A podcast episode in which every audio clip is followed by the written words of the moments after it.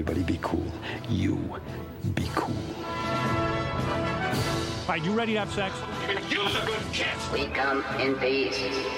We come in peace. You are the motherfucking Antichrist! We're gonna let you go, okay? Ok. Film er best på radio. I'm gonna make him an offer he can't refuse. Nova Noir.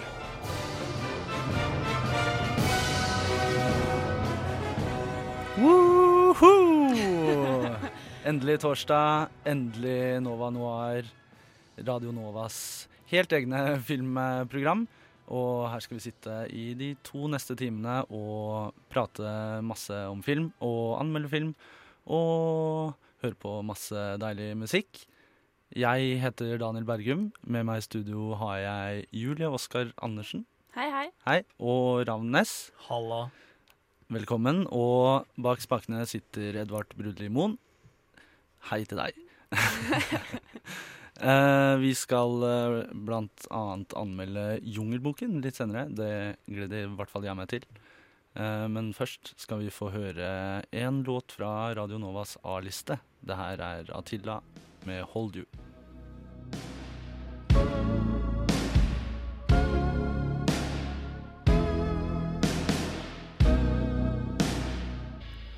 Det var da altså eh, tromme- og vokalduoen Atilla som eh, også spilte på Novafest eh, forrige fredag. Eh, der burde du vært hvis Ja. du ikke var der. Det var, det var gøy. Fantastisk konsert. En opplevelse. Ja. Vi skal i gang med filmnyheter.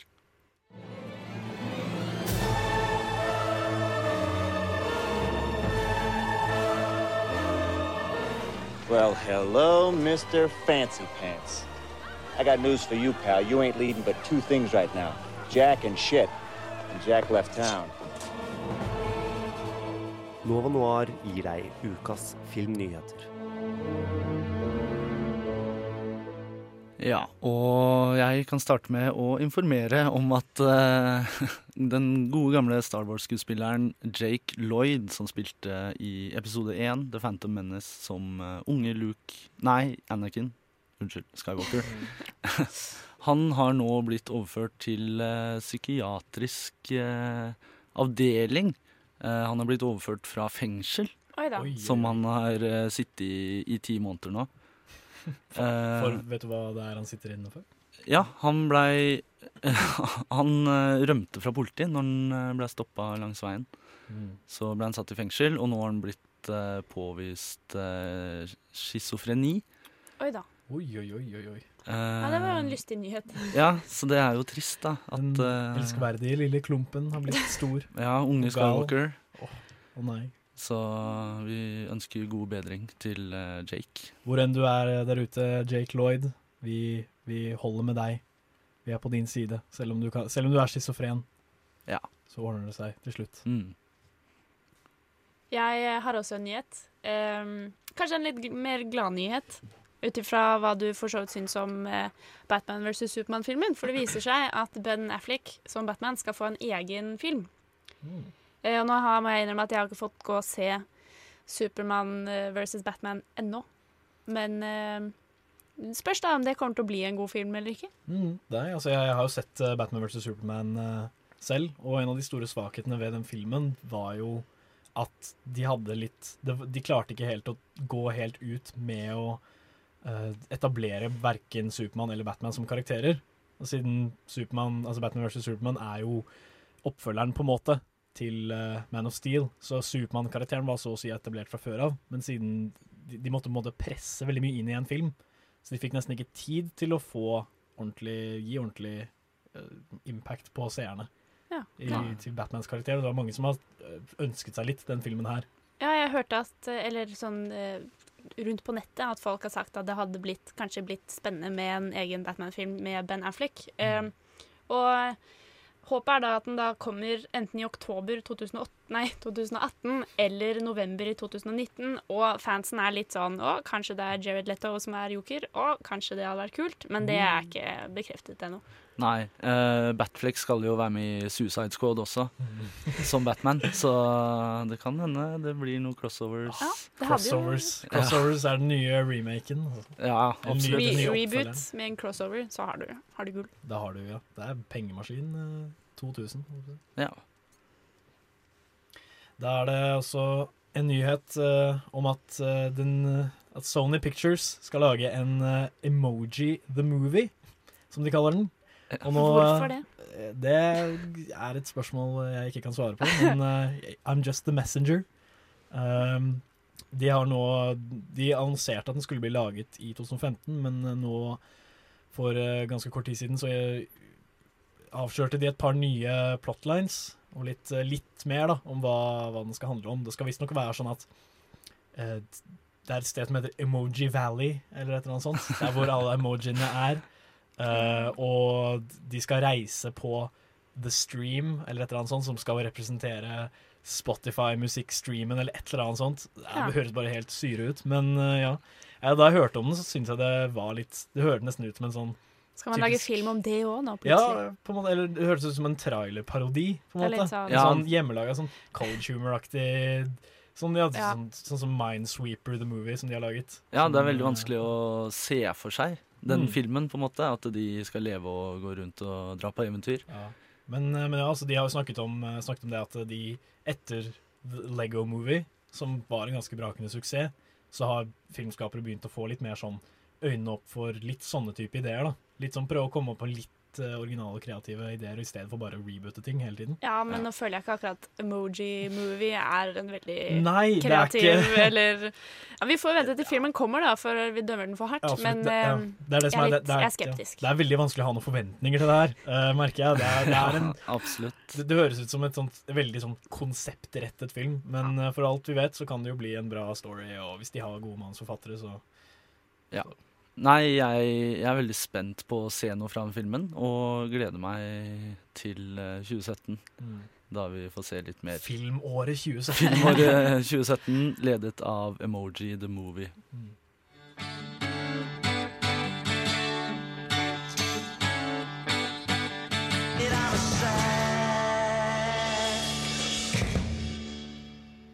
Nå fikk vi høre The Who med Substitute. Uh, The Who eh, tror jeg kunne vært like Eller kunne vært The Beatles, på en måte, i uh, hvor store de er. Men de var litt for sent ute, dessverre. Men bare litt uflaks. Litt uflaks. En, en fargerik gjeng, nonetheless. Ja, absolutt. Nå kommer eh, et intervju mellom meg og min venn Taleråd, uh, som jeg sendte på oppdrag for Nova Noir for å se den norske skrekkfilmen Huset. Eh, litt fordi jeg hadde forelesning, og mest fordi jeg absolutt ikke liker skrekkfilm og er en skikkelig pyse når det gjelder akkurat det. Eh, og så snakket jeg med Tale, og hun sa å ja, men den har jeg hatt lyst til å se kjempelenge. Og så sjekket jeg med vår redaksjonsleder, og hun sa det var greit. Så her kommer mitt intervju med Tale. Jeg sitter nå på Eldorado bokhandel, er det vel blitt, eh, og skal spørre min venn Tale, som jeg sendte for å se skrekkfilm som jeg syntes var for skummel, om eh, hva hun syns. Så Tale, min venn Tale er ikke en del av Nova Noir-redaksjonen, men er blitt sendt på oppdrag av meg, fordi jeg får pyse. Så Tale, hva er det du har sett? I dag har jeg sett eh, den norske skrekkfilmen 'Huset'. Hva handler den om? Eh, Det handler om to tyske offiserer under andre verdenskrig som eh, søker ly i et hus i Norge. Mørkt og kaldt og hvitt. Og skummelt? Ja, og skummelt. Ja, Var den veldig skummel? Eller var den bare sånn Når jeg ser tilbake på det nå, Ja. så er den ikke veldig uh, skummel. Nei. Men veldig intens. Det var veldig stemningsbasert og veldig mye fokus på lyd og liksom effekter, og det så veldig pent ut og veldig intenst. Hva er det som er Uten å røpe for mye, hva er det som er spesielt med dette huset de søker ly i? Nei, altså du Ettersom det er tittelen på filmen, så må det jo være litt viktig, antar jeg. Ja, altså de eh, kommer til det her huset. Um, de har med seg eh, en nordmann som de håper å si har tatt til fange, eller de ja, har med seg en nordmann i hvert fall. Um, og de, disse tre mennene, voksne mennene, blir eh, etter hvert litt skremt av det her huset. Det, de hører mye lyder og litt litt eh, sånne ekle ting som skjer i det her huset. Høres ikke ut som en film for meg i det hele tatt. sånn, egentlig. Jeg er glad jeg ikke dro sånn. Men syns du den kanskje lider litt av sånn typisk norsk film? Altså For det første så får man kanskje ikke helt den filen, fordi de snakker tysk mesteparten av filmen. Det var jeg ikke helt forberedt på, eller jeg visste ikke det. Og akkurat det blir borte. Det er vel et par scener og et par replikker som foregår på norsk. Men samtidig så Altså, det er veldig pent å se på. Så det er veldig Det er ikke så veldig øh, spesial, mye spesialeffekter og sånn som man kanskje er vant med i øh, amerikanske skrekkfilmer. Mm. Um, veldig sånn stemningsbasert, som sagt. Og uh, veldig fin, eller god, skummel musikk. Og veldig høyt og veldig Tett innpå, Ja, liksom? veldig. Ja. Um, og jeg vil jo egentlig si at det kanskje er litt eh, norsk film. At det bærer preg av god, eh, god produksjon og liksom høy, Ja. høy produksjonsverdi. Så Um, god norsk film er bra produksjon og ikke kleine skuespillere. På sitt beste så er den det. beste. Jeg skjønner. Hvis jeg kan si at jeg savna noe, Ja så Ærlige meninger på, no på Nova Noir. så vil jeg si at plottet kanskje var litt tynt.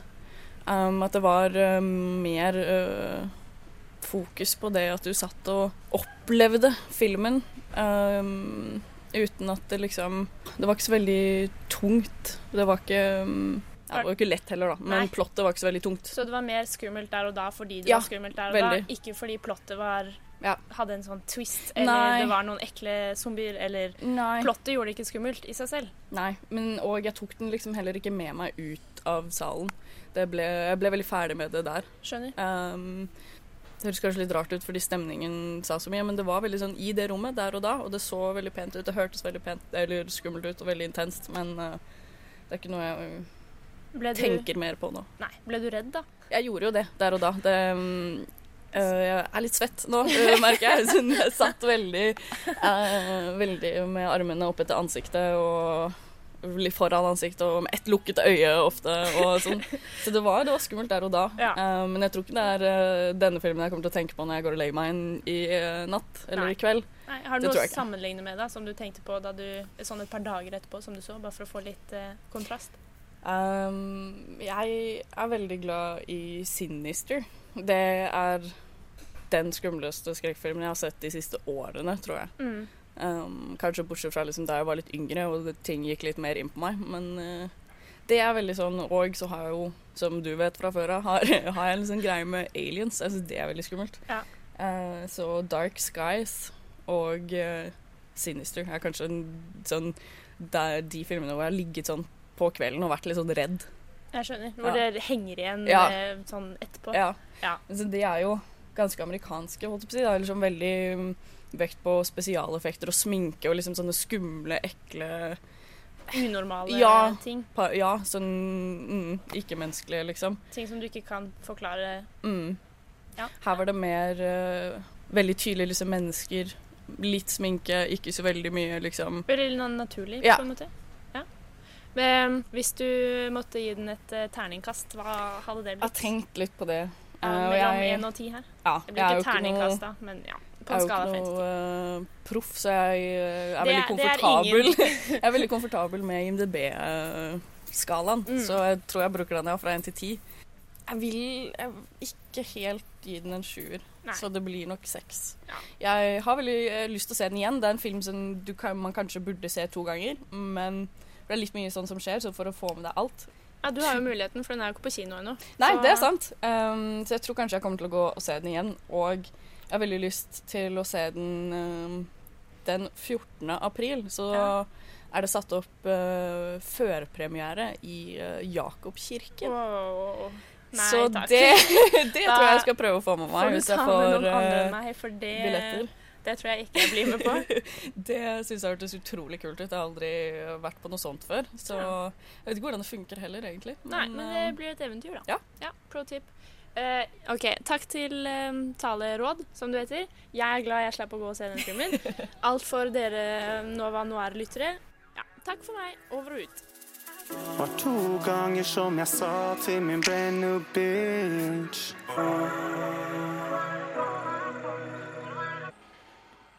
King Skurk One nøster deg. Det, de spilte jo også på Novafest i helga, på lørdagen. Mm. Um, Da var nok ikke jeg der, for jeg eh, var der for mye på fredagen. ja, det, det var litt Det er eh, vanlig bieffekt av eh, Novafest at du, Ja. du holder ikke ut hele, hele festen. Nei, burde gjort det. Det var kjempebra konsert òg. Jeg sto og dansa på scenen med Kings Skurkvann. Mm, Smooth låt, Mm. absolutt. Eh, skal vi se, Da var tiden inne for uh, den første utgaven av uh, Ravns Netflix-lek, lek, lek. Eh, den går så mye som ut på at uh, jeg har funnet et lite knippe med beskrivelser av filmer på Netflix. Og eh, det dere skal gjøre nå, er å klare å gjette hvilken film denne beskrivelsen er knyttet til. Eh, så nå skal jeg okay. lese det opp for dere. Ja. Film nummer én. En leiemorder som er glad i burgere. Hans filosofiske partner, et dophode av en gangsterbrud og en avdanket bokser samles i denne slentrende krimkomedien. Jeg vet hva det er. Vet du det? Ja, Vil du gjette først? Jeg er ganske sikker på at jeg vet hva det er. Nei, du kan få si det. Er det ikke Pulp Fiction? Det er riktig! Nå har vi ikke, dessverre ikke noe sånn korrekt lyd her, men eh, det Riktig var det. Ja, vi, vi har deg, Ravn. Ja, vi har språket vårt. Ja. Vi kan si riktig, og Ja. folk skjønner hva man mener. Mm. Uh, skal vi se. Jeg tenker at eh, hvis dere begge to har peiling, så skal vi gjøre det sånn klassisk radiostil, at dere kan bare si navnet deres. Den okay. første som sier navnet sitt, okay. den eh, får lov til å gjette først. Ja. Nå til film nummer to. Daniel har flyttet til Los Angeles fra østkysten og står nå ovenfor den neste umulige oppgaven å skaffe nye venner. Daniel? Eventuelt Daniel, da. Daniel. Jo, jo. Det er ikke en norsk film. Nei. Det er ikke, da, det er Daniel. ikke Daniel. Det er ikke, Det er ikke meg. Det er ikke en film om meg. Det er ikke Daniel. Har du flyttet Daniel fra østkysten til LA, Daniel? Mm, nei. Nei. Jo, det har jeg Du- faktisk. ah, ja, Men ok. eh, ikke i USA. Nøkkelen her, nøkkelen her er at, uh, at Netflix uh, har tendenser til å komme med ganske vage beskrivelser og dodge temaet til filmen litt. Ja. Ja, du sier ikke det. Jeg tror jeg melder pass, jeg. Du melder pass. Ja. Har du et hint? Jeg kan gi dere bitte lite hint. En av eh, hovedrollene i filmen er fra Japan. Daniel med Er Daniel fra Japan? Nei. Nei, OK. Han er fra Daniel USA. har en kompis eller en kjæreste fra Japan. Eller noe lignende. Han er det riktig? har en eh, Hva kan man si? En eh, mentor fra Japan. Ment Å! Å, Daniel! Julie! Julie, Julie, Julie! Det, det var litt av et syn å se dere begge to innse det i øyeblikket jeg sa det. Uh, vel, jeg tror faktisk det var Julie som var først. Karate Kid. Karate Kid stemmer. Nice! Oh. Vi har fått en riktig lyd. Ja, vi fikk inn en eh, bjelle her. Uh, det, det er bare god stemning, der ute. Da har vi 2-0 til Julie. Må du skjerpe deg, Daniel. Sorry. Kommer neste film. En maskert frihetskjemper griper til våpen mot den totalitære staten og finner en usannsynlig allianse med en ung kvinne. Julie, Julie, vi får Vendetta. vi får Vendetta er riktig. Det er godt jobba. Neste film. Da en raner blir frastjålet en kjempediamant, blir hele Londons underverden satt på hodet i en klappjakt som involverer Daniel. ulovlig boksing, gale russere og sultne griser. Du, kan da, du må ikke ikke avbryte avbryte. Er ikke det lov? Nei, du må vente til det er over. Det er jeg at okay. dere skal stå og være på tærne deres, så skal dere hoppe. Men er du ferdig nå? Jeg er ferdig nå. Daniel. Daniel. Uh, snatch. Snatch er riktig. Bra. Jeg har Yes. ikke sett den. 3-1. Det er en, uh, god, en god film, absolutt. Den, God uh, bra, det er Guy Ritchie. Den høres Mm. veldig, ut, veldig god ut på den beskrivelsen Mm. Veldig, veldig bra. Så- Og den ligger på Netflix. Jeg kan se den, Den ligger på. Netflix nettopp, så alle dere der ute dere kan tenke på at uh, hvis dere liker disse beskrivelsene, og de høres veldig fristende ut, Ja, så er er det bare å er sjekke Vi det ut. sponset av Netflix, da. Bare Nei, som det er sagt. det, det er viktig å få med seg her. Uh, skal vi se. Film nummer fem, som også er siste film i denne konkurransen. Så dette er Du er litt bak, Daniel, men Det går eh, ikke an å få noe ekstrapoeng hvis jeg klarer den her. ja, kan- Nei, det gjør kan, ikke. Kanskje. Vi kan Ja, okay. se. Vi får se. Hvis du gir meg litt penger under bordet, så kanskje. skal vi se. Vannkoppene er den minste bekymringen for lille Alex. For han får besøk av spioner som er på jakt etter en stjålet mikrobrikke. Alex. Daniel. Spion. Daniel? Uh, nei, det er kanskje småspioner, tipper jeg. Nei. Ah, De heter jo ikke Alex. Mm, Og det er jo to, ikke én. Men hva var det du sa? han er jo vorter, han er jo ikke vannkopper, så det kan jo ikke være småspioner. Det er ikke småspioner. Nei, nei, nei, det er greit, det. Daniel. Men, uh, Uansett nei. hvor mange ganger du sier det, så blir det ikke småspioner. eh. Jeg. Jeg har sagt det bare én gang. uh, kan du lese det en gang til? Vannkoppene er den minste bekymringen for lille Alex, for han får besøk av spioner som er på jakt etter en stjålet mikrobrikke. Nei. Sånn Hjemme alene Jo. 4 eller et eller annet sånt tull. Daniel. Daniel? Hjemme alene 3. Det er Hjemme alene 3! Da fikk Daniel eh, siste, siste poeng her, men eh, sitter allikevel igjen som ukens taper. Nei. Ukens taperske Nei, det var synd, Daniel. Men sånn går det når man leker med skjebnen. Ja, da vil jeg trøste meg med litt eh, Electric Woodland, jeg.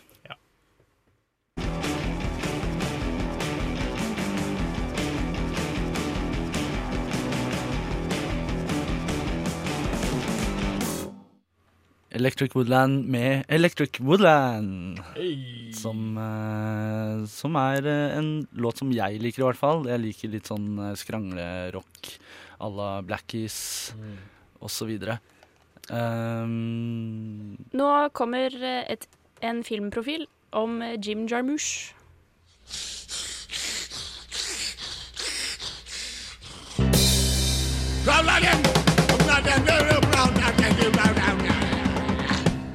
Livet er altfor viktig til å ta seriøst.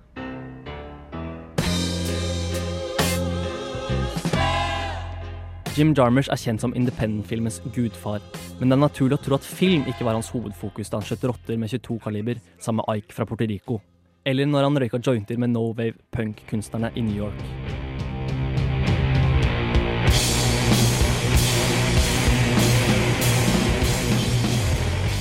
Sigaretten dinglende i kjeften og sølvhåret rett i værs knuser han alles forestillinger om regissøren som kjip nerd. Manns regel nummer to er jo tross alt 'don't let the fuckers get you'. Regel nummer én er naturlig nok 'there are no rules'. Legger man til musikk fra Tom Waits, Screaming Jay Hawkins og Rissa, og det blir umulig å ikke like mannen.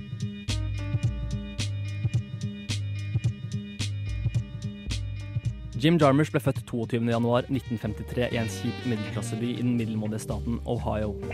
Venner kaller typen for Jimmeren, og oppveksten dreide seg mest om å lengte seg bort til ja, hvor som helst, egentlig. Etter et par år med studier i New York endte Jimmeren opp i Paris, der fire måneder ble til ti, og flere universitetsfag fikk stryk. Mens Jimmeren vanket på cinematekene og oppdaget Jean-Luc Godard. Et langt kjærlighetsforhold til filmen ble innledet. Men det er ikke helt sant, for Jimmeren hadde allerede i Ohio sett en hel drøss med undergrunns stoner-filmer av f.eks. Andy Warhol, innimellom all softcore-pornoen som vanligvis ble vist.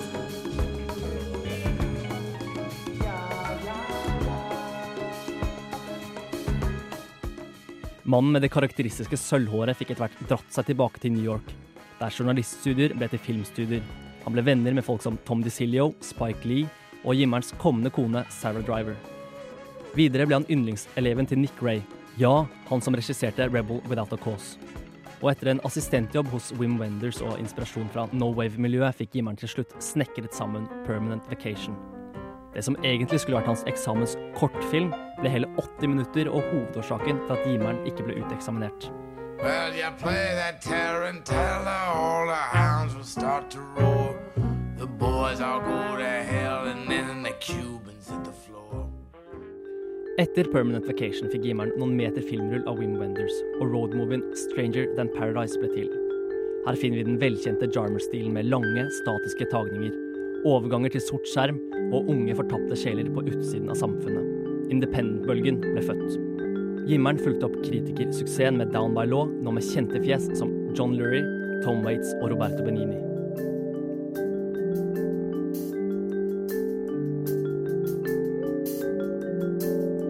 Med den psykedeliske sort-hvitt westernfilmen Dead Man ble Jimmeren mer psykologisk og filosofisk.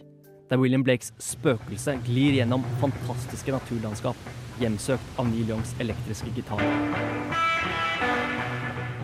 Gary Farmer som Exebiche fortjener også ros som den første flerdimensjonale karakteren fra Amerikas urbefolkning.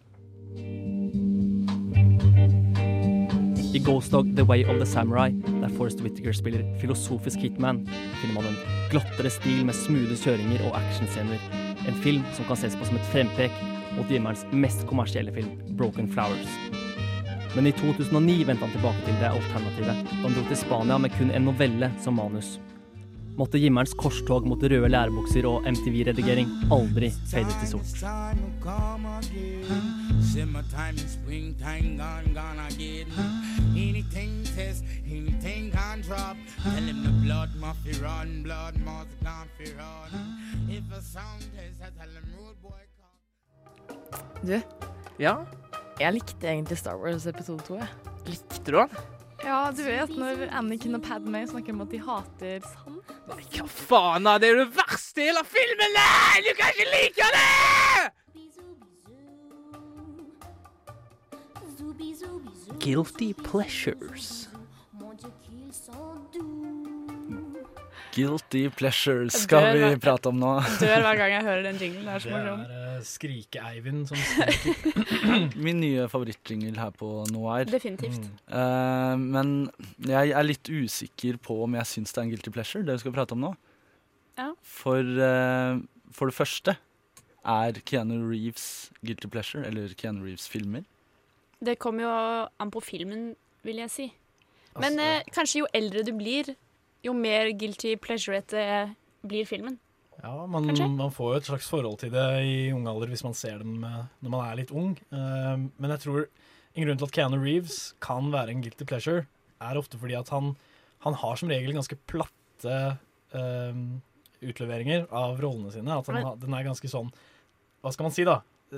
Formbar, på en måte. At man kan nesten Putte det i hva som helst. Ja, han er på en Liksom. måte nesten som et hvitt lerret, da. Både, både i hudfarge og i performance. Han er alles helt i alles film, på en Ja. måte. Men det er jo etter Bill and Ted, er det ikke det det heter? Jo. De time travel, stoner-filmene. Men de, da er han jo ikke platt i det hele tatt. Da er han jo helt der, wow! Mm. Men de er jo Nå begynner de å bli gamle. Jeg syns de også er litt guilty pleasure. Nå har jeg bare sett den første, men den er veldig morsom. Hva er uh, deres uh, Keanu Reeves guilty pleasure-film? Uh, nå nevnte jeg nettopp den Bill and Ted, men jeg tror kanskje at The Lake House er hakket dårligere, og derfor da hakket mer guilty pleasure. Ja. uh, så det er jo da en kjærlighetshistorie mellom han og Sandra Bullock, uh, hvor de bor i samme hus, bare to år forskjell, og så sender de brev til hverandre via postkassen fordi det er en time traveling postkasse. Eh, så det konseptet der høres jo litt guilty pleasure ut, da. Så jeg må si den. Den er nok min, min favoritt. Ja, men altså Keanu Reeves uh, har jo en tendens til å spille i litt sånne filmer som er sånn De, de er på en måte så teite at man, slutter, man ignorerer litt at de er teite. Ja. Fordi de er teite på en sånn måte som man kan tilgi, da, som for eksempel Speed. Som sikkert mange av dere der ute har hørt om. Uh, den er blitt parodiert utallige ganger. Det er Mm. altså den filmen om denne bussen som må kjøre i 50 km i timen. Eller så Eh, går det en bombe. ja, eller så Ja. går det en bombe. Og det er sånn uh, Keanu Reeves spiller uh, helten vår, da, som han ofte gjør i filmer. Um, Han hadde blitt en bra skurk, da. Hvis han hadde spilt kanskje. skurk. Jeg tror kanskje han ja, etter, John, etter John Wick og sånn, så har han blitt litt sånn kommet i touch med sin litt ondere side, kanskje. Ja, blitt litt mer bad, bad boy. ja, spesielt en sånn video som har gått litt rundt av Keanu Reeves som øver på uh, å skyte. Han går rundt med sånn hagle på sånn skytebane og bare ser ut som den skumleste karen i verden. Men ja, han har jo han har vel et slags en torturert indre, da. Ja. Som kanskje kommer litt gradvis frem. Ja. Jeg har ikke sett så mange av de gamle Keanu Reeves-filmene, men eh, min eh, guilty pleasure eh, go to Keanu Reeves-film er vel 'Djevelens advokat'. Ja, men den er jo bra. Den er jo ikke Jeg vet ikke, jeg Eller er den dårlig? Jeg syns ikke den var så bra. Det er jo det som er Men uh, så er det litt kult, og Al Pacino er med, og Men da spiller han jo heller ikke platt. Da er han jo Dårlig. Der spiller han litt dårlig. ja, OK, kanskje. Ja. Men uh, sånn som i for eksempel Konstantin også, Mm. som handler om at det er en sånn uh, private detective-type, tror jeg. Og det er han som skal være sånn tough guy. Være litt sånn, litt sånn ja hva skal jeg, Ikke alkoholisert, men litt sånn, sånn raunchy detektiv-type, da. Og da han, han er på en måte alltid Keanu Reeves, men han, men han er litt. forskjellige nyanser av Keanu Reeves. Du har Altså, romantiske ja. og du har eh, eh, Steina Keanu, og du Keanu. har eh, politi-Keanu, og du har Ja. mer badass Keanu. Så har du Alien Keanu i The Day the Earth Stood Still. Der hvor eh, jeg syns at han får det til ganske bra, fordi den rollen han spiller der, da spiller han et romvesen som, eh, som skal nettopp være veldig, veldig følelsesløst og veldig, veldig sånn Passer jo perfekt. Ja, så det, det, ja, Mm. det var vel en grunn til at de valgte han til den uh, rollen der. Ja, og, men det vi skal fram til nå, er jo at uh, vi i Nova Noir skal ha et Keanu Reeves-maraton. Uh, ikke nå til helgen, men neste. Eh, og jeg føler at det er litt sånn guilty pleasure. Ja. For det er ingen som er sånn Kom igjen, vi tar et Keanu Reeves-maraton. Ja, det, det kreves en spesiell gjeng for å kunne si Hei, hva hvis vi har en Keanu Reeves-maraton? Og Ja! så sier alle ja! La oss gjøre det! Ja, for det var jo nettopp det som skjedde med oss. Da. det som skjedde. Eh, hvert fall jeg. Jeg ble ganske gira med en gang. Ja, Vi har nemlig litt problem med at vi klarer ikke å velge hvilke filmer vi vil se. For alle vil se noen filmer, og vi har jo bare én helg å gjøre det på.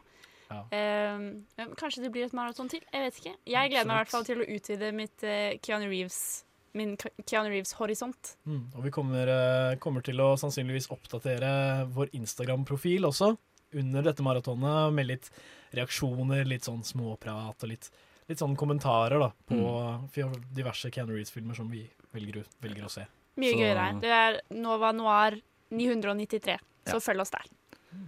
Please. Vi skal også prøve å lage en uh, dogmesending eh, under det maratonet. Så bare stay tuned eh, i noen uker framover, så får dere kanskje høre hvordan det gikk. Eh, nå skal vi få høre 'Living' med Cerulin.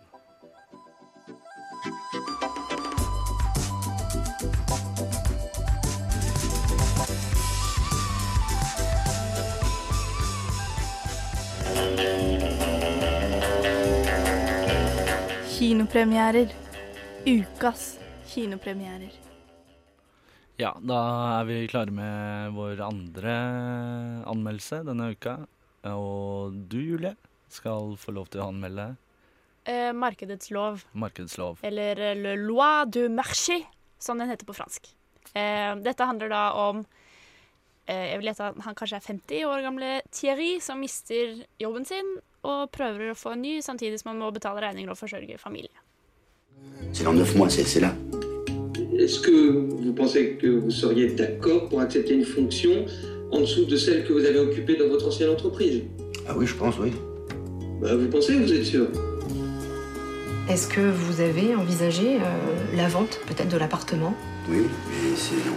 C'est non? Et bah, Pour quelle raison? Ça serait comme si tout ce qu'on avait fait, c'était. Hva var det du prata om der? Ja, du, det, det var forskjellige klipp i filmen hvor han eh, jeg drar på et jobbintervju, blant annet, over Skype, eh, og blir møtt med en litt sånn Du får ikke se hvem han snakker med, men jeg forestilte meg at det var en sånn snarky 30-åring som liksom Ja, du er litt overkvalifisert, og vi kan ikke gi deg samme lønn, og det er en dårligere stilling, og sånn Du har veldig liten sjanse for å få jobben, bare så du vet det. Og by the way, CV-en din var crap. og, eh, ja, nei, jeg var ikke klar over at den var fransk, så jeg ble litt eh, overrumplet i salen. For eh, den starter veldig midt i, og fransk film er veldig mye Eller mitt inntrykk er at det er veldig mye prating i munnen på hverandre, og replikker går veldig fort. Og så var det en liten omstillingsprosess med å få med seg all den teksten og liksom forstå alt sammen. Nå skal det sies at jeg hadde fransk på, videregående på ungdomsskolen. Eh, Hjalp ikke mye. Nei, det gjør som regel ikke det. Sjelden. Du, du ender opp med å vite hva bukse betyr. Eller Ja, nå husker jeg ikke hva bukse er, men eh, Eller ja, noe sånn. Tilsvarende sånn. Eh, men det handler da som sagt om eh, eh, ca. 50 år gamle Thierry som mister jobben sin. Eh, og så starter det med at han er på et trygdekontor eh, og klager, eller ikke klager, men snakker om at han har blitt sendt på forskjellige arbeidsledighetskurs for å få forskjellige ferdigheter for å da få jobb, og det har gått så og så mange måneder, og om ni måneder så faller trygden hans enda mer, og han har da en sønn som er handikappet. Eh, og det koster jo litt penger, så han blir litt desperat og veldig frustrert. Eh, og jeg trodde at det var på en måte dette filmen handlet om, men ikke egentlig, på en måte. Nei, OK. Eh, det høres jo veldig trist ut, da. Ja. Er det en eh, trist film? Nei, altså Jeg gråter jo ikke, men du sitter der og får litt vondt av eh, han eh, Thierry. Fordi hvordan er det å være 50 år og miste jobben og plutselig skal finne ny jobb hvor du må konkurrere med alle andre som mest sannsynligvis er bedre og har mer erfaring enn deg. Skal den foregå på en måte i nåtiden? Ja, jeg tror det. Det var ikke veldig sterkt fokus på det, men det var, ja, jeg fikk inntrykk av det, i hvert fall. Mm. Men tilbake til med plottet, så var det litt Å, han er arbeidsledig og prøver å få seg en jobb, og det er vanskelig. Og så Å ja, han plutselig bare fikk seg en jobb og hater den. Så jeg følte ikke egentlig at det var et klart plott. For det så du i traileren òg, så det var på en måte ingen major spoiler at han Oi, han fikk en jobb, men den er dritt. Og så handlet plutselig filmen om det, og det var på en måte halvparten av filmen, så jeg følte at det var litt dårlig balanse, og jeg skjønte ikke helt hva som var plottet. Men når det skal sies, så var den filmet ganske Jeg har ikke sett det før. Det var på en måte bare medium close-ups med et håndholdt kamera. Og hvis det var et tett close-up, så var det zoomet inn på avstand. Så det var på en måte alltid en distanse mellom han og kamera, og du fikk aldri noe indre dialog, eller han uttrykte aldri noen følelser, eller Det var på en måte bare hans stille, litt sånn nedtrykte ansikt. Var det nesten litt sånn om du nesten var en flue på veggen på en måte i en normal manns Ja, ja, veldig. Så han, han ser aldri inn i kamera, sier aldri noe til kamera, og ingen anerkjenner kameras eksistens, på en måte. Eh, og kamera er alltid liksom, trukket unna. Så det ga et veldig interessant perspektiv på filmen, men i lengden så ble det litt, litt ensformig, føler jeg. Ja, Blei det litt kjedelig? Var det en litt kjedelig film? Altså, Den var ikke direkte kjedelig, men jeg bare irriterte meg at jeg ikke forsto hva plottet var, før at jeg forsto at det egentlig ikke var noe plott, og at det var på en måte poenget, da, antar jeg. Så den var, den, var litt, den var ikke forvirrende, men den var litt sånn Jeg skjønte ikke intensjonen bak filmen, Har du noen eh, minneverdige øyeblikk fra filmen som ikke er for mye spoilers? Ja, ja, nei, det er bare uh, det, Alle scenene i filmen er ganske lange, og det er veldig lite kutt. Så når han sitter og spiser middag med familien sin, så er det liksom alt er fra én vinkel, og det er jo ganske rørende å sitte og se på eh, denne familien, for det føles ut som det blir skildret veldig ekte. Og sitter jo han sønnen og er litt eh, funksjonshemmet, og så sitter foreldrene, og så forteller han dem en gåte, og så er det veldig veldig rørende på en måte. Selv om du er, veldig, du er likevel ganske distansert fra det, men føler allikevel likevel mye med disse karakterene. Mm. Uh, ja, til slutt. Har du en oppsummering og en Ja. karakter? Uh, veldig fransk. Uh, jeg vil kanskje gi den en seks av ti. Seks av ti? Andre seks av ti eh, Snart er det The Number of the Beast. Ja. Det blir spennende. Uh, nå skal vi få høre litt Wolfmother. Det her er uh, Dimension.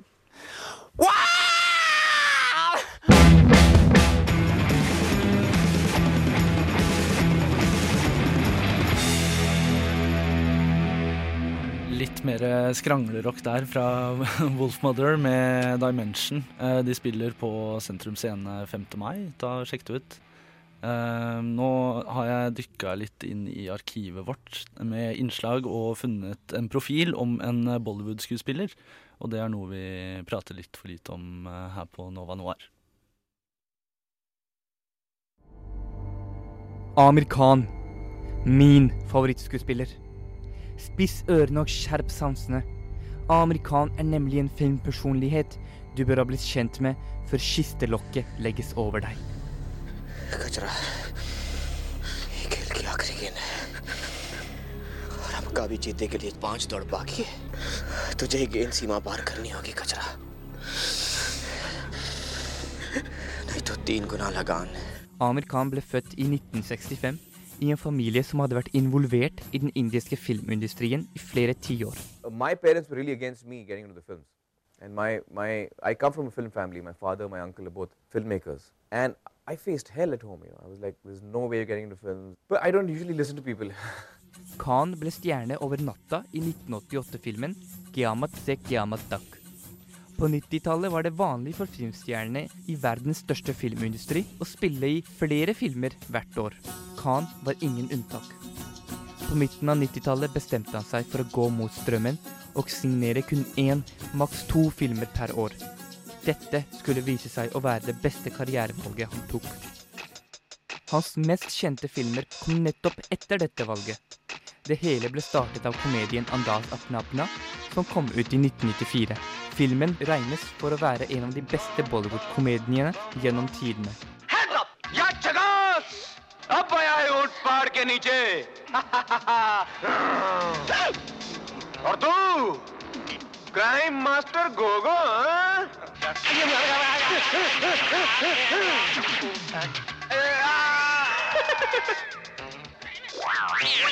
अमर चुप बे प्रेम गोली हाँ गोली गोली से भून दूंगा मैं सबको गोली से गोली तो नहीं है यार हेला Et slikt valg om å korte ned filmsigneringer så dramatisk var veldig viktig for at han kunne etablere seg som en metodeskuespiller. Den første i sin generasjon av indiske skuespillere. I try and be in a state of semi-consciousness, if I can put it that way. I'm conscious enough to follow the instructions of the director, remember my lines, but I'm lost enough to feel like I am the person, I am the character. When you're acting, it's not what you're doing with your hands or your face, it's what you're feeling. And, that, and then when, you, when you're feeling the right emotion, it, it comes out everywhere. Amir Khan er en avholdsperson, men under filminnspillingen til 1996-suksessen Raja Hindustani drakk han seg full på settet fordi hans karakter i filmen skulle være full. Amir trente i ett år for rollen i Indias største blockbuster gjennom tidene, Gajni, som kom ut i 2008. Men som en perfeksjonist som han er, sluttet han å trene for å bli tynn igjen til sin neste film Three Idiots, fordi i den spiller han en ung student i 20-årene. Uh, you know, I'm 44 and I'm playing a guy who's 20 or something, half my age. For me, it's always important to get into the head of the character. The moment I get into the head of the character, then everything else falls into place. Physically, I've stood in a particular manner. My body language is such that I'm trying to look tiny. The more tiny I look, the more boyish I look, and the more I'll fit into that age group and you know. Og for filmen hans The Rising, som kom ut i 2005, hadde han brukt fire år på å gjøre research på frihetskjemperen Mangal Pandey. Amir lot håret sitt vokse i disse fire årene, og sparte også en bart for denne filmen. You dog! You dare assault an officer! Say you are a dog!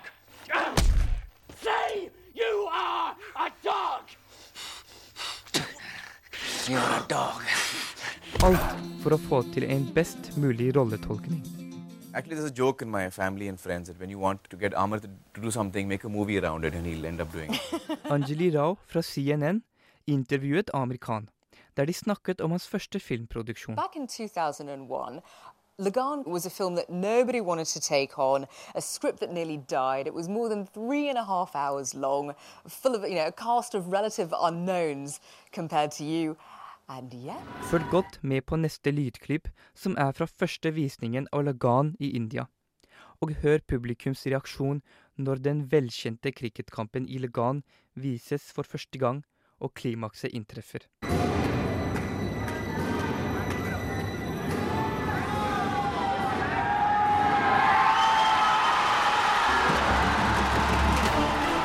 Hans første film som produsent satte India på filmkartet, og ble Oscar-nominert i 2001. Jeg vil råde deg til å se fire Amir Khan-filmer før ditt siste åndedrag, som er Lagan, Dil Jata Hai, Dare Zamin og Earth. Fordi jeg er ganske sikker på at hvis Gud ser på filmer, vil Amir Khan være en av hans favorittskuespillere. Da vil du ha noe å smiske med, og Gud vil invitere deg inn til himmelen på boller og brus for å se Legan.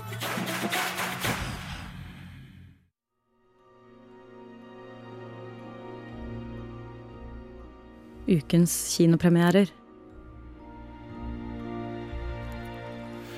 Ja, da skal vi altså anmelde Jungelboken. Eh, eller du, Julie, skal Ja. anmelde den eh, filmen her også. Det blir mye film på meg denne uka her. Ja, men det er jo gøy. Ja, det ikke er bare gøy, det. Ja.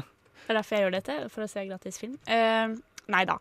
Eh, men Jungelboken, eh, det er da Disney har laget en eh, ny versjon av den gamle Jungelboken. Eh, som da handler om menneskegutten Mowgli som vokser opp i jungelen eh, og blir truet av den skumle tigeren Shere Khan og må dra tilbake til menneskelandsbyen. I can't help but notice strange odor today. Man is forbidden! Run, Mowgli!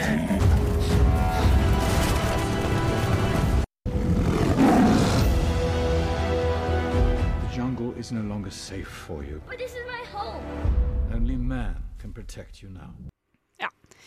Så nå regner jeg med at de fleste har sett den originale Jungelbok-filmen.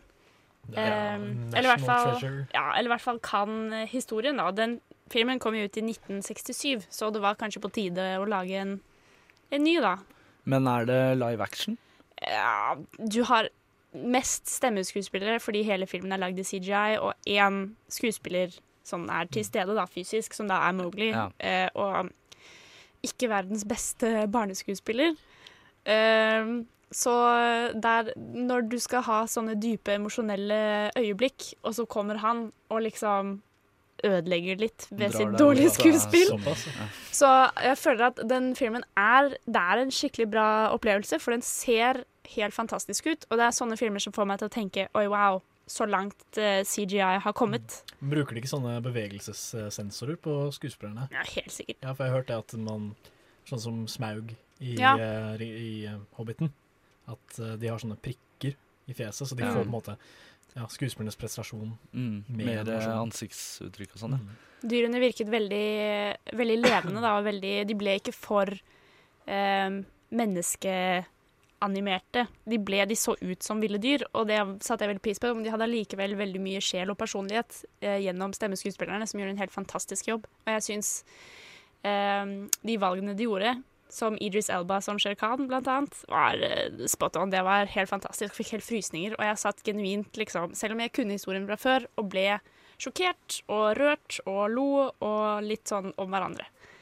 Var, den, eh, var det veldig lik eh, story? Ja, akkurat litt sånn endringer her og der, men det er hovedsakelig akkurat samme, samme historie.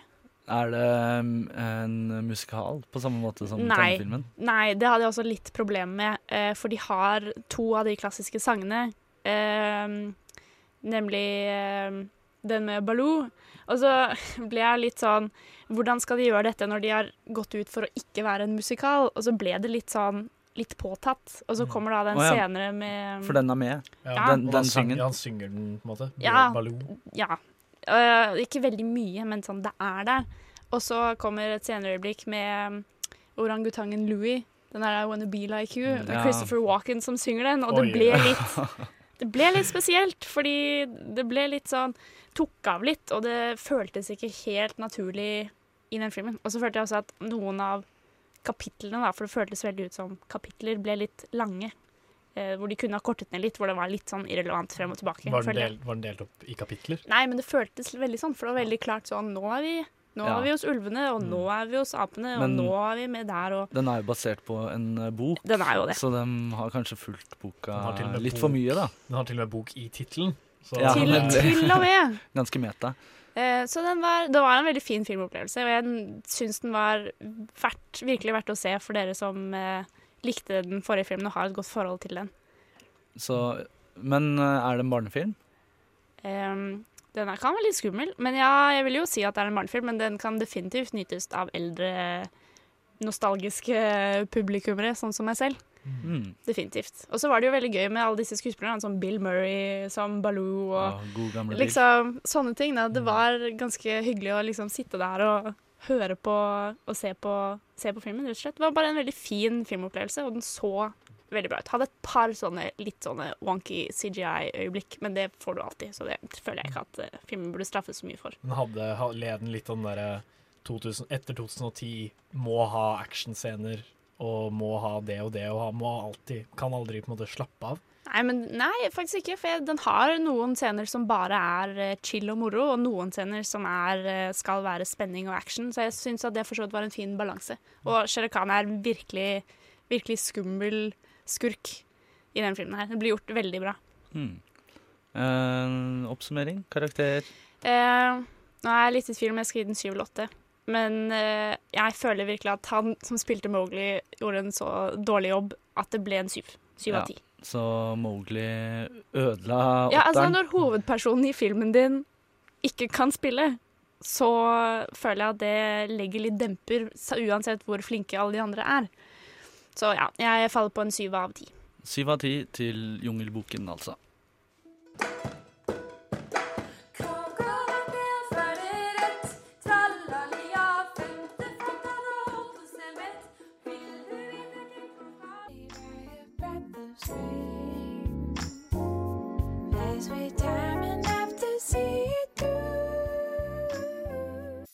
Ja, der hørte du først uh, Kråkevisa med Morgenrådet, som spilte på uh, her på Radio Nova. Uh, så deretter hørte du Moonchild med All The Joy, som er en veldig, veldig stilig, loungy låt, ifølge, ifølge meg. I don't want you to protest. I don't want you to riot. I don't want you to write to your congressman because I wouldn't know what to tell you to write. I don't know what to do about the depression and the inflation and the Russians and the crime in the street. All I know is that first, you've got to get mad. You've got to say, I'm a human being. God damn it. My life has value. Nova Noir, every Thursday from 10 to 12 on Radio Nova 99.3 FM. Ja, da er vi godt inne i vår andre time her på Nova Noir, som du nettopp hørte. En eh, fin jingle om at det er oss. Det var da altså fra filmen Network med en liten remix. Nå Vi skal snart eh, Vi skal prøve å ha en lek til litt seinere. Men eh, før det så skal vi anmelde vår siste film denne uka.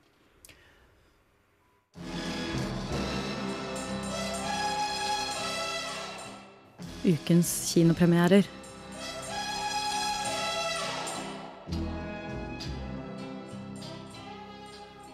Og Ravn, Hei, hei. du har sett den eh, siste filmen. Jeg har sett den siste filmen. eh, den siste filmen vi skal anmelde her nå i dag. Det er uh, intet eh, ringere enn El Clásico.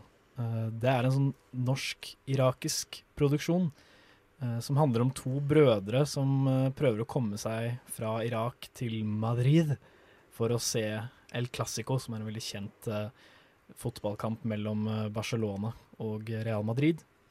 Eh, disse to brødrene her er eh, kortvokste, og eh, de bor i en ganske liten by i Irak. Og eh, han ene broren eh, jobber eh, for en skomaker, som også er eh, landlorden deres.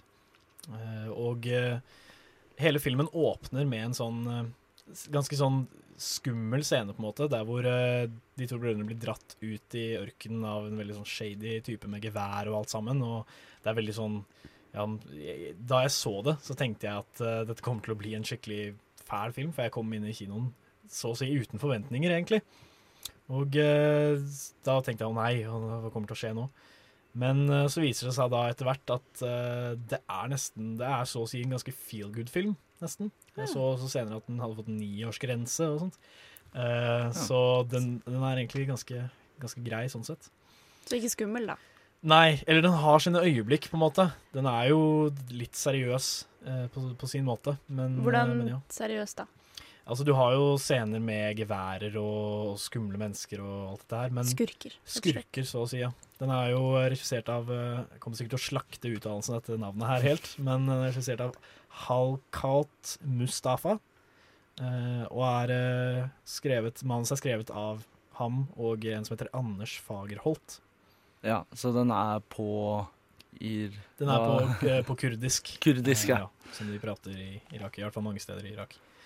Og eh, ja, han eh, er jo så å si en ganske sånn, norsk iraker, da. Han er jo eh, Han kom hit i 2000, eh, tror jeg, og, og har gått på NIS og alt sammen, så han er ganske Han er så å si ganske norsk, denne regissøren. Eh, men ja, filmen er på kurdisk og foregår he, Nesten hele filmen foregår i uh, Irak.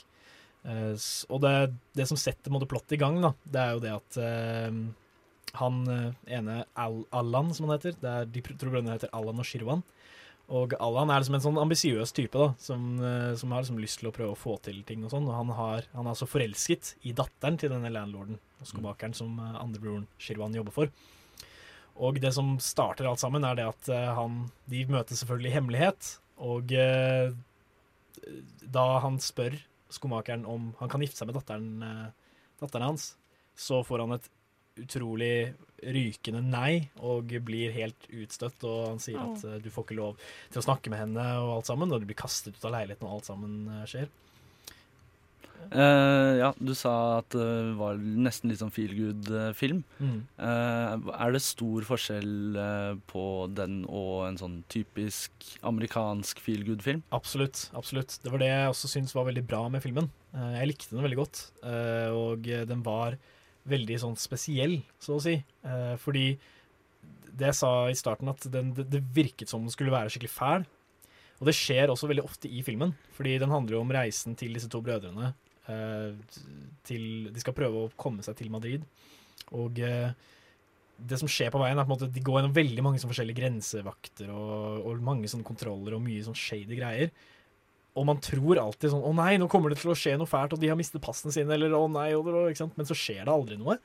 Nesten. Du er leker litt med forventningene ja, ja, dine. Det er det som også er så komisk, fordi ja, det, er, det, det skjer veldig mye sånn De kommer borti mange sånne skumle folk, men, eh, men ja. Eh, og jeg trodde jo også at filmen kom til å handle mye om det faktum at de var kortvokste. Mm. at det var sånn 'Å nei, de kommer til å bli utstøtt og sånn fordi de er det'. Men Mm. det var nesten ikke et tema. Det var, de, de nevnte det kanskje to ganger i filmen, da.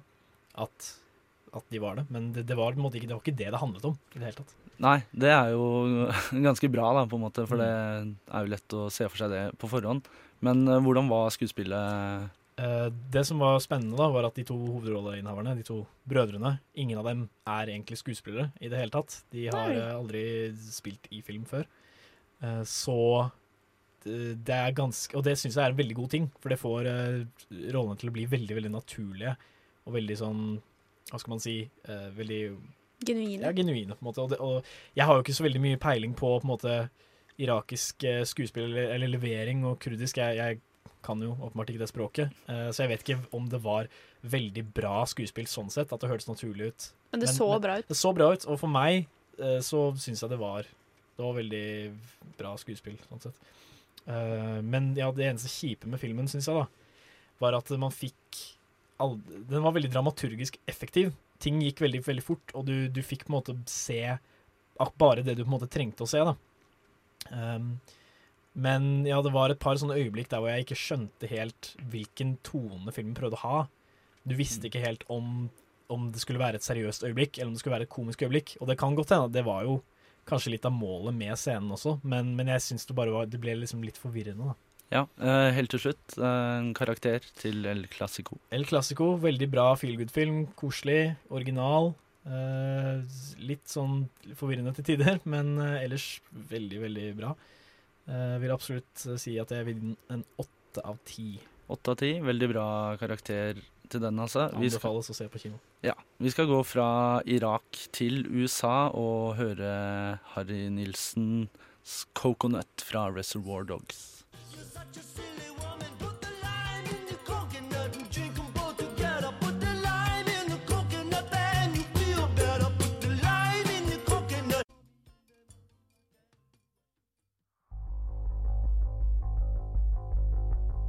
Jeg jobber i en videosjappe, og noe av det mest irriterende man støter på der, er gode filmer med stygge cover.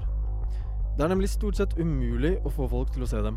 Og ingen film har i mine øyne et så stygt cover som Groundhog Day. Et håpløst utdatert omslag med Bill Murray smakløst photoshoppa inn i ei vekkerklokke, mens den vanvittig daterte Andy McDowell ser på han med et dels oppgitt og dels forelsket uttrykk. Håpløst! Hvilket selvfølgelig er trist, fordi dette er jo en fullblods klassiker. Bill Murray spiller Phil, en kynisk og egosentrisk værvarsler. Sammen med Andy McDowell drar han til Punxsutawney for å dekke et arkaisk og underlig rituale. Ifølge den lokale folketroen er det nemlig slik at hvis det er overskyet når et skogsmurmeldyr, eller groundhog som det heter på engelsk, kommer ut av hiet sitt, vil våren komme tidlig. Men dersom det er sol, og skogsmøllmølldyret ser sin egen skygge, vil vinteren vare i seks uker til. This is pitiful. A thousand people freezing their butts off waiting to worship a rat. What a hype. Groundhog Day used to mean something in this town. They used to pull the hog out and they used to eat it. You're hypocrites! All of you! Bill Murray hater hele opplegget og syns det er en nedverdigende oppgave. Og ting blir ikke bedre da han skjønner at han opplever den samme dagen igjen og igjen og igjen og igjen og igjen og igjen. Rita, I'm reliving the same day over and over. Groundhog Day. Today. Okay, I'm waiting for the punchline. No. Really. This is the third time. It's like yesterday never happened. I am racking my brain, but I can't even begin to imagine why you'd make up something like this. I'm not making it up. I am asking you for help.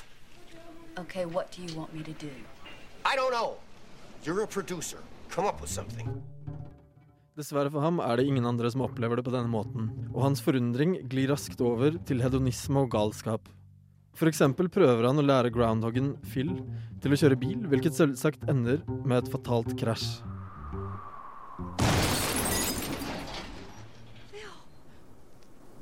Might be okay. Well,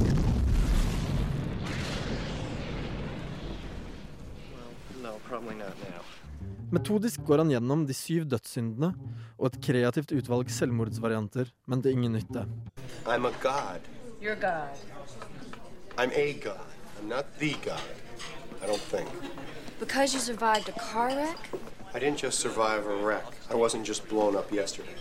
I have been stabbed, shot, poisoned, frozen, hung, electrocuted, and burned. Oh, really? And every morning I wake up without a scratch on me, not a dent in the fender. I am an immortal. Vi får aldri vite hvor lenge Bill Murray sitter fast i den samme dagen, men det er iallfall lenge. Han lærer seg å spille piano, snakke fransk og lage isskulpturer, og etter å ha drevet sine hedonistiske tendenser til det ytterste, går han gjennom en renselsesprosess der han lærer byens innbyggere å kjenne, og etter hvert finner den store kjærligheten. Grunnen til at jeg liker denne filmen så godt, er at den egentlig har en ganske artsy og eksistensiell kjerne, men at denne kjernen er pakket inn i et ytre lag av romantikk og lettbeint komedie. Den stiller spørsmål ved hvorfor og når livet er verdt å leve, og hva som skjer med et menneske når man fjerner følelsen av ansvar og konsekvenser. Men den gjør dette uten å være selvhøytidelig eller insisterende. Snikeksistensialisme kan man kanskje kalle det.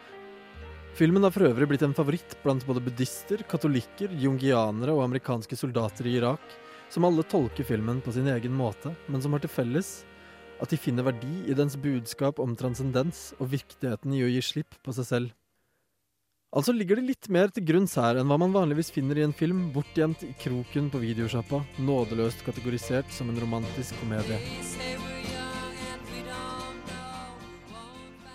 Ja, det var eh, en anbefaling på Groundhog Day. Det er jo ikke så lenge siden det var. Nei, det er vel i februar? Ja. Ja, På vårparten. Nei, jeg digger den, den filmen. Den er sykt kul. Men eh, nå kommer det en sang som heter 'Holding On' med Classics.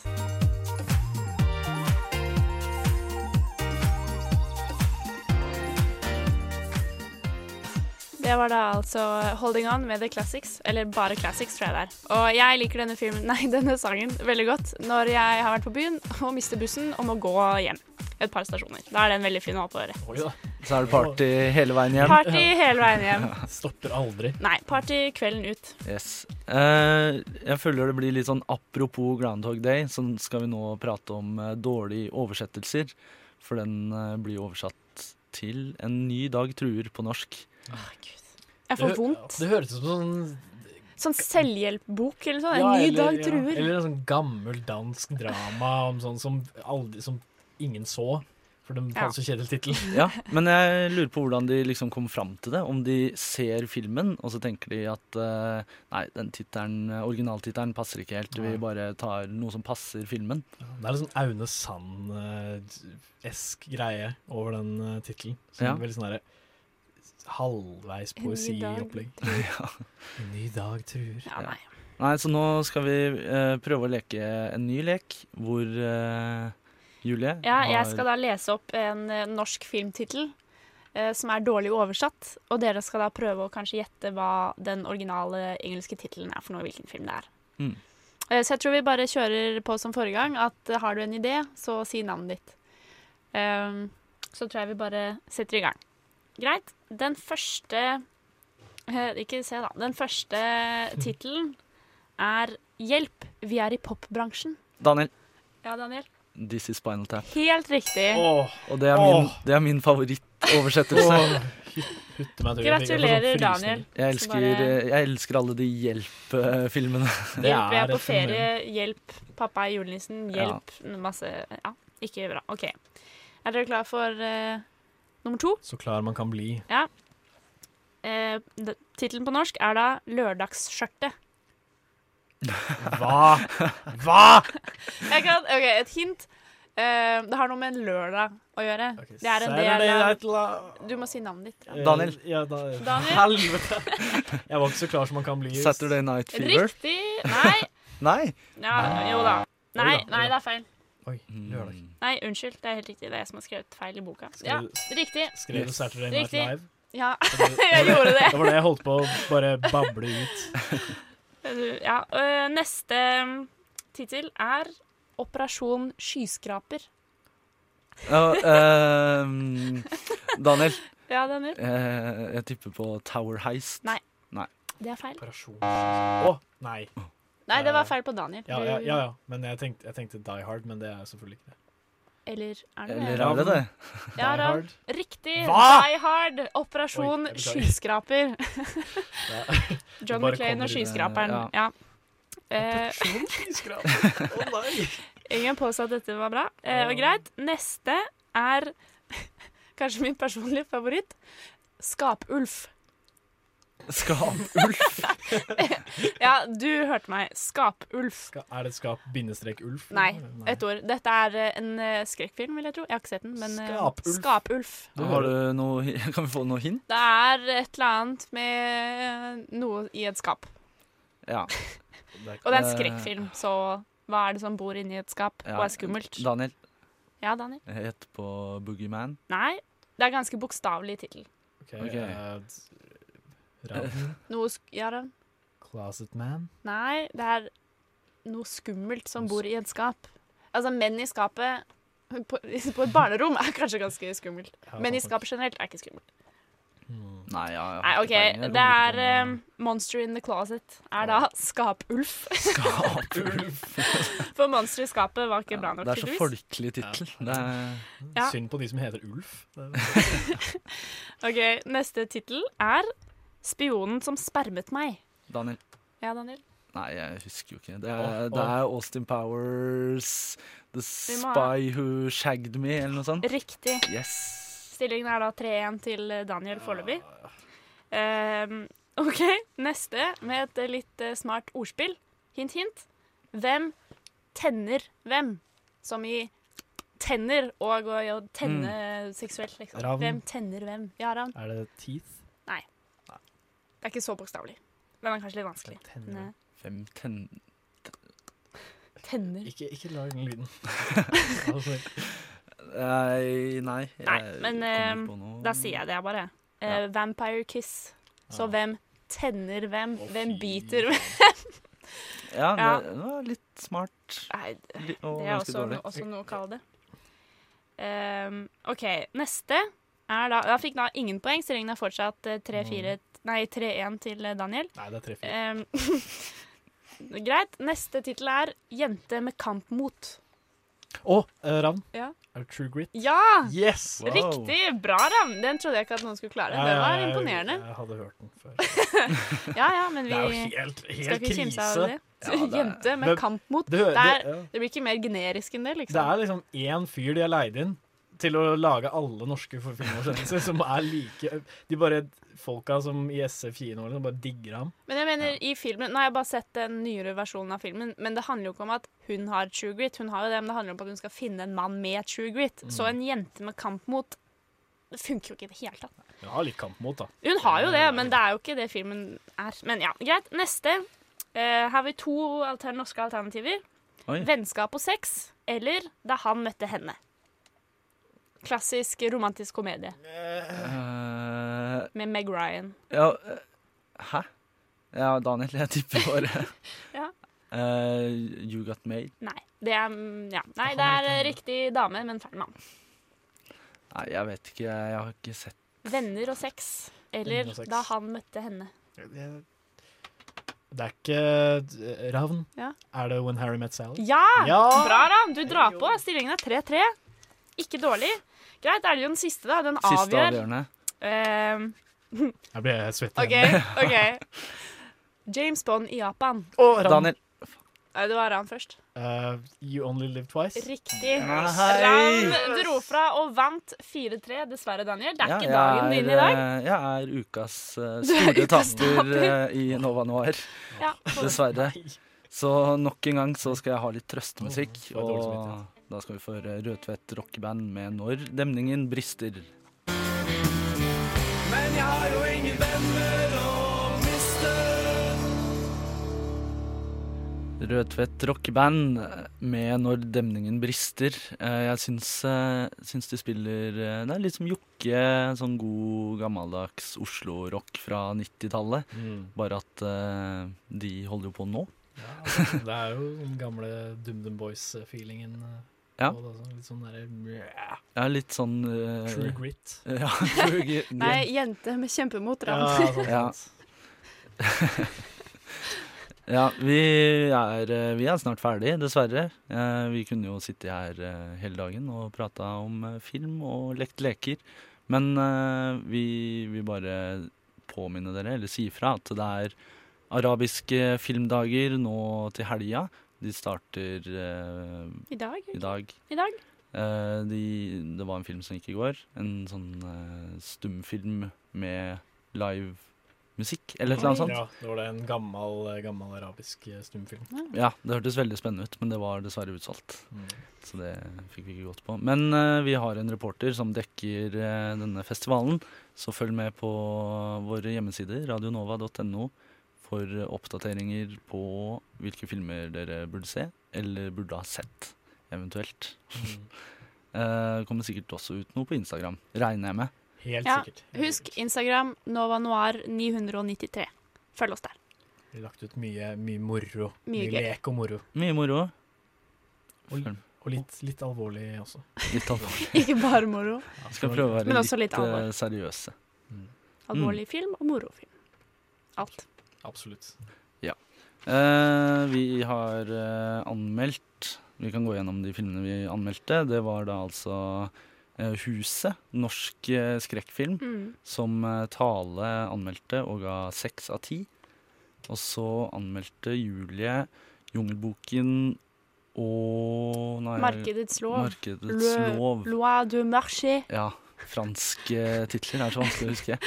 Eh, som fikk eh, seks av ti og sju av ti. Ja, Jungelboken fikk sju av ti, og Markedets lov fikk seks av ti. Mhm. Og så anmeldte du, Ravn, El Classico. El Classico, og den fikk eh, så mye som åtte av ti. Og ble dermed ukens vinner. I motsetning til Daniel. I motsetning til meg. Vi lekte noen leker, og jeg tapte begge. Det var gøy, da. Det handler jo om å ha det gøy. Ja, det handler om å, handler om å tape. Jeg det handler som- om å tape med, med stolthet. Ja. Det syns jeg du gjorde veldig bra, Daniel. Men Ja, jeg som det- vant, hadde det også veldig gøy, da. Bare Ja. så det er sagt. At jeg vant. Ja, hadde dere vant hver deres Ja, vi gjorde det. jeg var med på begge, og tapte begge. Dessverre. Uh, gå på kino i helga. Få med dere arabiske filmdager. I studio her så har det altså vært meg, Daniel Bergum. Det har vært meg, Julie Oskar Andersen. Det har vært meg, Ravn Ness. Ja, og bak spakene, og som har styrt teknikken og hjulpet oss veldig mye, har vært Edvard Brudeli Moen. Så tusen takk til deg. Superstjernen bak hele showet. Yes. Eh, nå syns jeg vi skal avslutte knallhardt og høre på litt Death Grips. Dette her er Blood Creeping.